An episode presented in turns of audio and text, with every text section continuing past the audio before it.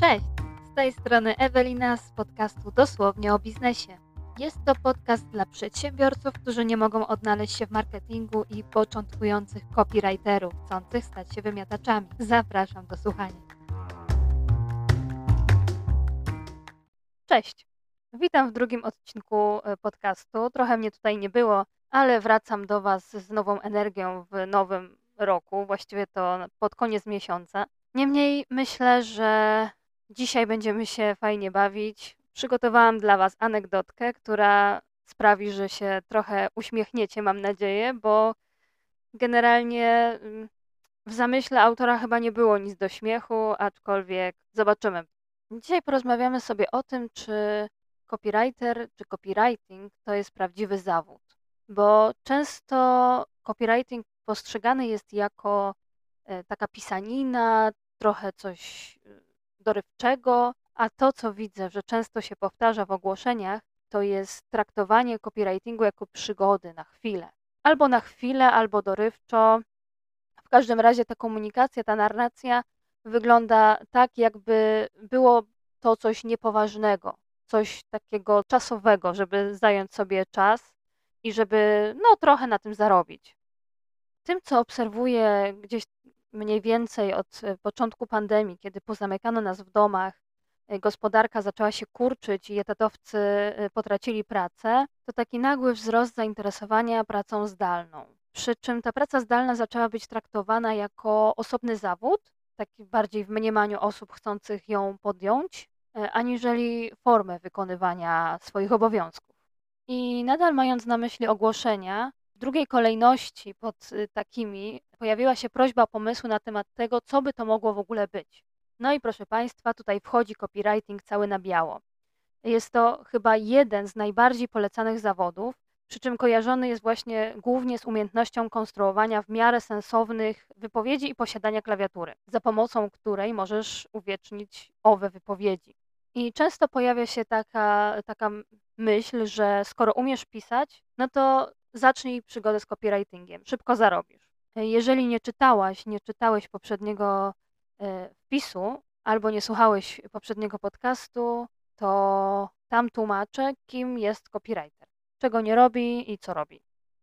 No i teraz przechodzimy jakby do sedna, stawiając copywriting jako biznes kontra przygoda od jakiegoś czasu, właściwie od dłuższego czasu, widzę, że grupy dla copywriterów zaczyna zalewać masa ludzi, którzy liczą na szybki i w zasadzie bezproblemowy zarobek. No bo wiadomo, no jak to, pisanie tekstu nie może być trudne. W końcu robimy to codziennie, piszemy maile, piszemy notatki służbowe i tak dalej, więc no dlaczego osoba, która posiadła już umiejętność pisania, miałaby na tym nie zarobić? Oczywiście, nie zrozum mnie źle. Nie winię tych ludzi, zresztą nie jestem osobą, która może kogokolwiek oceniać, raczej nikt nie powinien nikogo oceniać, no ale to już y, swoją drogą. Jest mi jedynie przykro, że takie narracje, narracje często stosują osoby, które chcą zarobić na tych ludziach, podzlecając im teksty za marne grosze, albo proponują kursy, na których korzystają głównie ich twórcy. Niektórzy też próbują pomóc i polecają popularne platformy dla freelancerów, które generalnie jednoznacznie kojarzą się z wyzyskiem. Każdy wie, jakie to platformy, a jak nie, no to może opowiem o nich następnym razem. Pewnego razu na grupie copywriterskiej znalazło się taka wypowiedź zachęcająca ludzi do rozpoczęcia swojej przygody z copywritingiem. Była to wypowiedź jakby takiego autorytetu, powiedzmy, w branży, eksperta, który uczy innych copywriterów. Nie powiem, kto to jest. I jakby clue tej wypowiedzi było to, że dla początkujących copywriterów stawki zaczynają się od 2-3 zł za tysiąc znaków. I jeszcze przytoczę tu takie jedno zdanie, które mnie szczególnie zbulwersowało, że i to też jest ok, bo po pierwsze razem z pierwszymi zleceniami idzie dużo nauki. Początki są trudne, przyznaję, ale nie aż tak. I teraz co się dzieje dalej? Wiele z osób, które zapoznają się z taką narracją, rozwija się potem w copywritingu, ale nadal gdzieś z tyłu głowy mają zaszczepione przekonania i nie mogą pozbyć się myśli, że copywriting to tylko właśnie taka przygoda. Takie klepanie w klawiaturę na zlecenie klienta który równie dobrze mógłby sobie sam to napisać, ale mu się nie chce albo nie ma czasu. I właśnie przez takie myślenie copywriting nie jest traktowany jak biznes, którym rzeczywiście jest albo może się stać przy odrobinie chęci i zaangażowania ze strony takiego copywritera. Taki mój osobisty ból e, wynika też z mojej historii, bo e, sama kiedyś byłam na miejscu takich copywriterów i w ogóle nie myślałam, że z tego może powstać jakikolwiek biznes. Dlaczego? To były czasy, kiedy pracowałam jeszcze na etacie w jednej z agencji PR i jakby z niezależnych ode mnie powodów obcięto mi etat na pół. Więc mając cztery wolne godziny w ciągu dnia, zaczęłam szukać zleceń na własną rękę. U mnie zaczęło się to generalnie chyba tak samo jak dla większości z Was, bo lubiłam pisać i stwierdziłam, że o, dobra, może się zajmę tym. Skoro mam wolne 4 godziny, to nie widzę, nie widzę żadnych przeszkód. I właśnie zaczęłam szukać, zaczęłam szukać tych zleceń i pierwsze, co mi się trafiło, to była, tak, trafiło się, bo nie, nie robiłam tego absolutnie świadomie. Pierwsze, co mi się trafiło, to była agencja, chyba copywriterska, ale teraz nie jestem w stanie nawet przytoczyć jej nazwy. I teraz, właśnie mając myślenie takie jak taki początkujący copywriter, który usłyszy, że stawka 2-3 zł za 1000 znaków jest ok na początek i że to jest w zasadzie tylko pisanie, więc y, każdy to potrafi zrobić, złapałam to zlecenie, w którym y, oferowali mi 5 zł za 1000 znaków. Nie mając innej alternatywy i nawet jej nie szukając, zgodziłam się, no i oczywiście y, zaczęliśmy współpracę. No i pisałam te teksty za oszałamiającą stawkę 5 zł. Przy czym muszę zaznaczyć, że to nie były jeszcze wtedy popularne precle, czyli takie e, teksty, których celem było głównie ściągnięcie ruchu na stronę internetową przez zawarte w nich frazy kluczowe. One w ogóle nie musiały mieć sensu, najczęściej pisało się je z palca, w ogóle zero problemu. To, co wymyśliłaś, wymyśliłeś, to wpisywałeś i tyle, ani zapleczówki, czyli takie już bardziej świadome teksty, lepiej napisane, ale wciąż skupione na tych frazach kluczowych. Ja pisałam teksty, właściwie artykuły średniej jakości, przy czym były one właśnie lepsze niż zapleczówki i precle. I teraz, jak wyglądała moja praca? Ponieważ brałam zlecenia z branż, których kompletnie nie znałam, na początku pamiętam, że pisałam o kosiarkach, czyli w ogóle Jedyne, co mnie łączyło z kosiarkami, to to, że jak byłam mała, to y, męczyłam moją babcię, żeby kupiła mi kosiarkę. Więc nie znając tej branży, ja musiałam wykonać jakieś 3-4 godziny researchu. Przez następne 3-4 godziny pisałam ten tekst, ponieważ musiałam cały czas gdzieś przerywać, bo musiałam doczytywać czy, czy zbierać nowe informacje. Więc teraz wyobraź sobie, że ja za tekst dostałam i za tekst i za 8 godzin pracy dostałam 40 zł. Ponieważ jedną z moich dominujących cech jest głupia i uparta odpowiedzialność, ciągnęłam ten cyrk przez dwa miesiące. Później, nie wiem jakim cudem, ale przytomnie się opamiętałam e, i, i rzuciłam tą współpracę. E, wtedy jeszcze w mojej głowie utrzymywał się obraz copywritera piszącego, klepiącego na zlecenie i nie, nie sądziłam, że z tego może wyjść biznes poważny. Jednak jakby ta długa i bolesna całkiem e, droga uświadomiła mi, że faktycznie z copywritingu można stworzyć nieźle prosperujący biznes. Słuchaj dalej, to dowiesz się, jakie kroki podjęłam, aby, aby ten biznes faktycznie stworzyć. E, pierwszym, co zaszło w mojej głowie, może też na skutek nowych znajomości albo doszkalania się w e, temacie copywritingu, to odwrócenie myślenia. W pewnym momencie zajarzyłam, jakby, że copywriting to nie jest tylko pisanie. Bo przykładowo, jeśli piszesz teksty na stronę www, to musisz wiedzieć, co napisać, aby wywołać określone zachowanie czytelnika. E, jeśli strona ma charakter sprzedażowy, to najlepiej, gdybyś wiedział, wiedziała, jakich słów użyć, żeby klient kupił usługę lub produkt. Ale skąd masz to wiedzieć? Z badania grupy docelowej. Pojawia się tutaj więc pierwszy przystanek w pisaniu. Musisz zapoznać się z plikiem wysłanym przez klienta lub samodzielnie opracować grupę docelową. Kolejnym przystankiem jest zapoznanie się z briefem, który oczywiście najpierw musisz opracować i wysłać klientowi i dbać o to, żeby był jak najbardziej szczegółowy. E, trzeci przystanek to SEO. Wiem, zaraz zlecą się ci, co uważają, że do stron www nie stosuje się fraz kluczowych, do pisania sprzedażowego też nie. E, jednak powiem tyle. Da się i można to połączyć z jakością i perswazją. Oczywiście to nie są wszystkie przystanki w pisaniu. Jeszcze parę albo paręnaście razy będziesz musiała, musiał się zatrzymać. Po co to mówię? Żeby udowodnić Ci, że copywriting to nie tylko pisanie. To jest część marketingu. Dobra, to załóżmy, że już sobie uświadomiłaś, uświadomiłeś, że faktycznie to jest jakaś część marketingu, a nie tylko pisanie na zlecenie. Więc jak zostać copywriterem na pełny etat? Jeżeli dopiero zaczynasz, odradzałabym rozpoczynanie od tworzenia portfolio i zdobywania pierwszych zleceń na wcześniej wspomnianych serwisach dla copywriterów. Jeśli jednak masz za sobą parę zleceń, a widzę jakby w, i w mojej grupie początkujących copywriterów i ogólnie w otchłani internetu, że dużo jest takich e, osób, gdzie mają e, już doświadczenie, ale nadal zdarza im się przyjmować zlecenia od klientów, od których nie chcą, którzy mało płacą i ogólnie czują się jak niewolnicy, to jeżeli tak się czujesz, zaczęłabym od zbadania przyczyny. Jeżeli na przykład klienci do ciebie nie wracają i jesteś skazany na łapanie nowych, co swoją drogą generuje wyższe koszty, pomyśl, dlaczego tak się dzieje.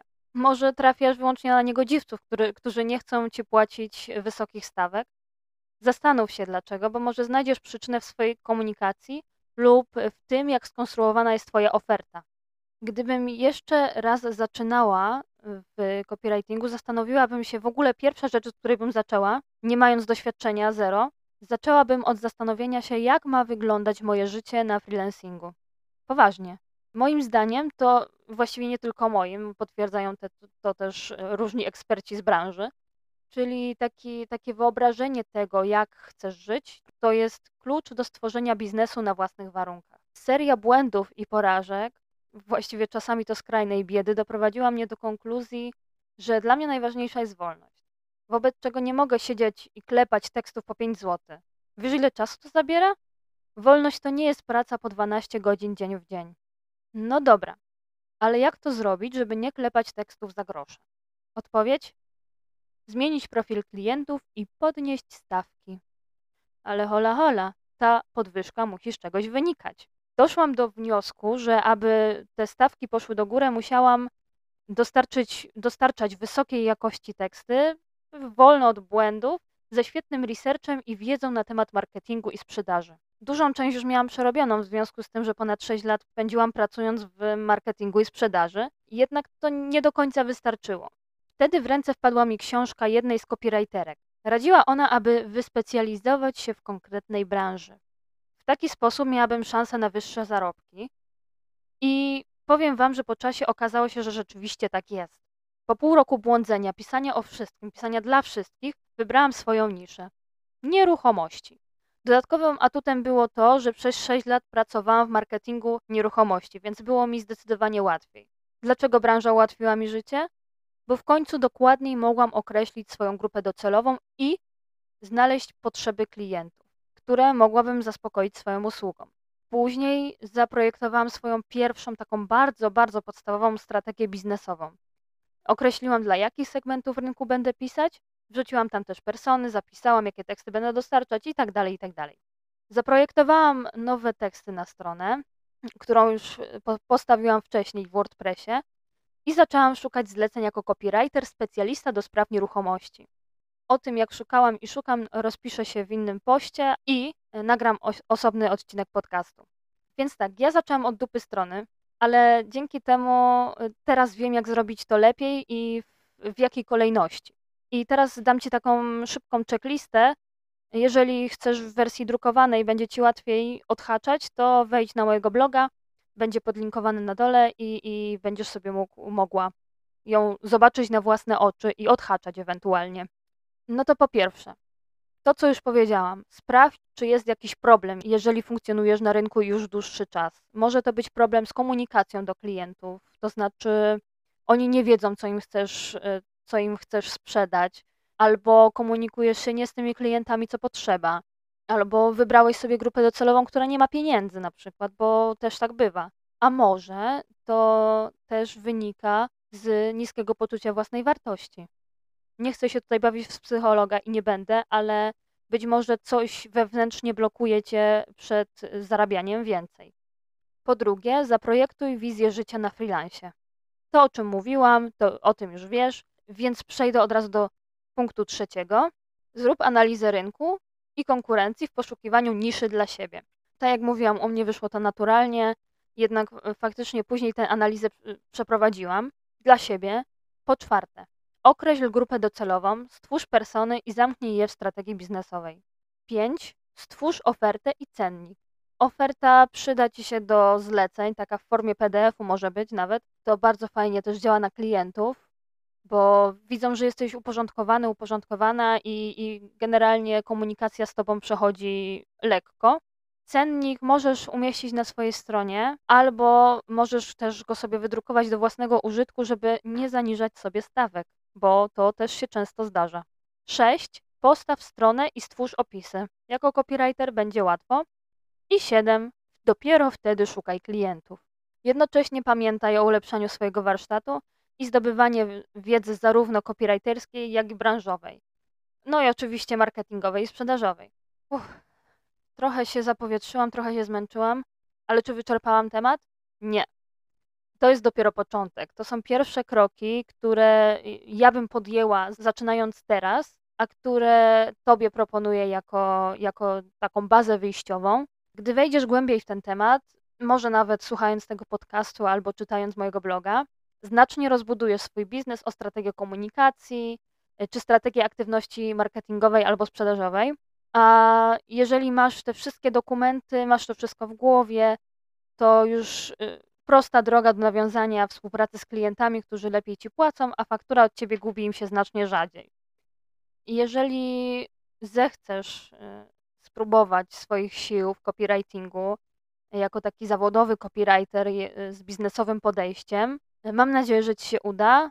Jeżeli potrzebujesz wsparcia, możesz zawsze do mnie napisać, możesz się umówić na konsultację, a ja zachęcam do subskrybowania mojego kanału na YouTube. Tam też znajdziesz mój podcast, jeżeli teraz słuchasz na Spotify'u. Wpadaj na mojego bloga i nie zapomnij o mnie. Mam nadzieję, że pomogłam Ci stać się lepszym biznesowo copywriterem. A teraz do zobaczenia w kolejnym odcinku.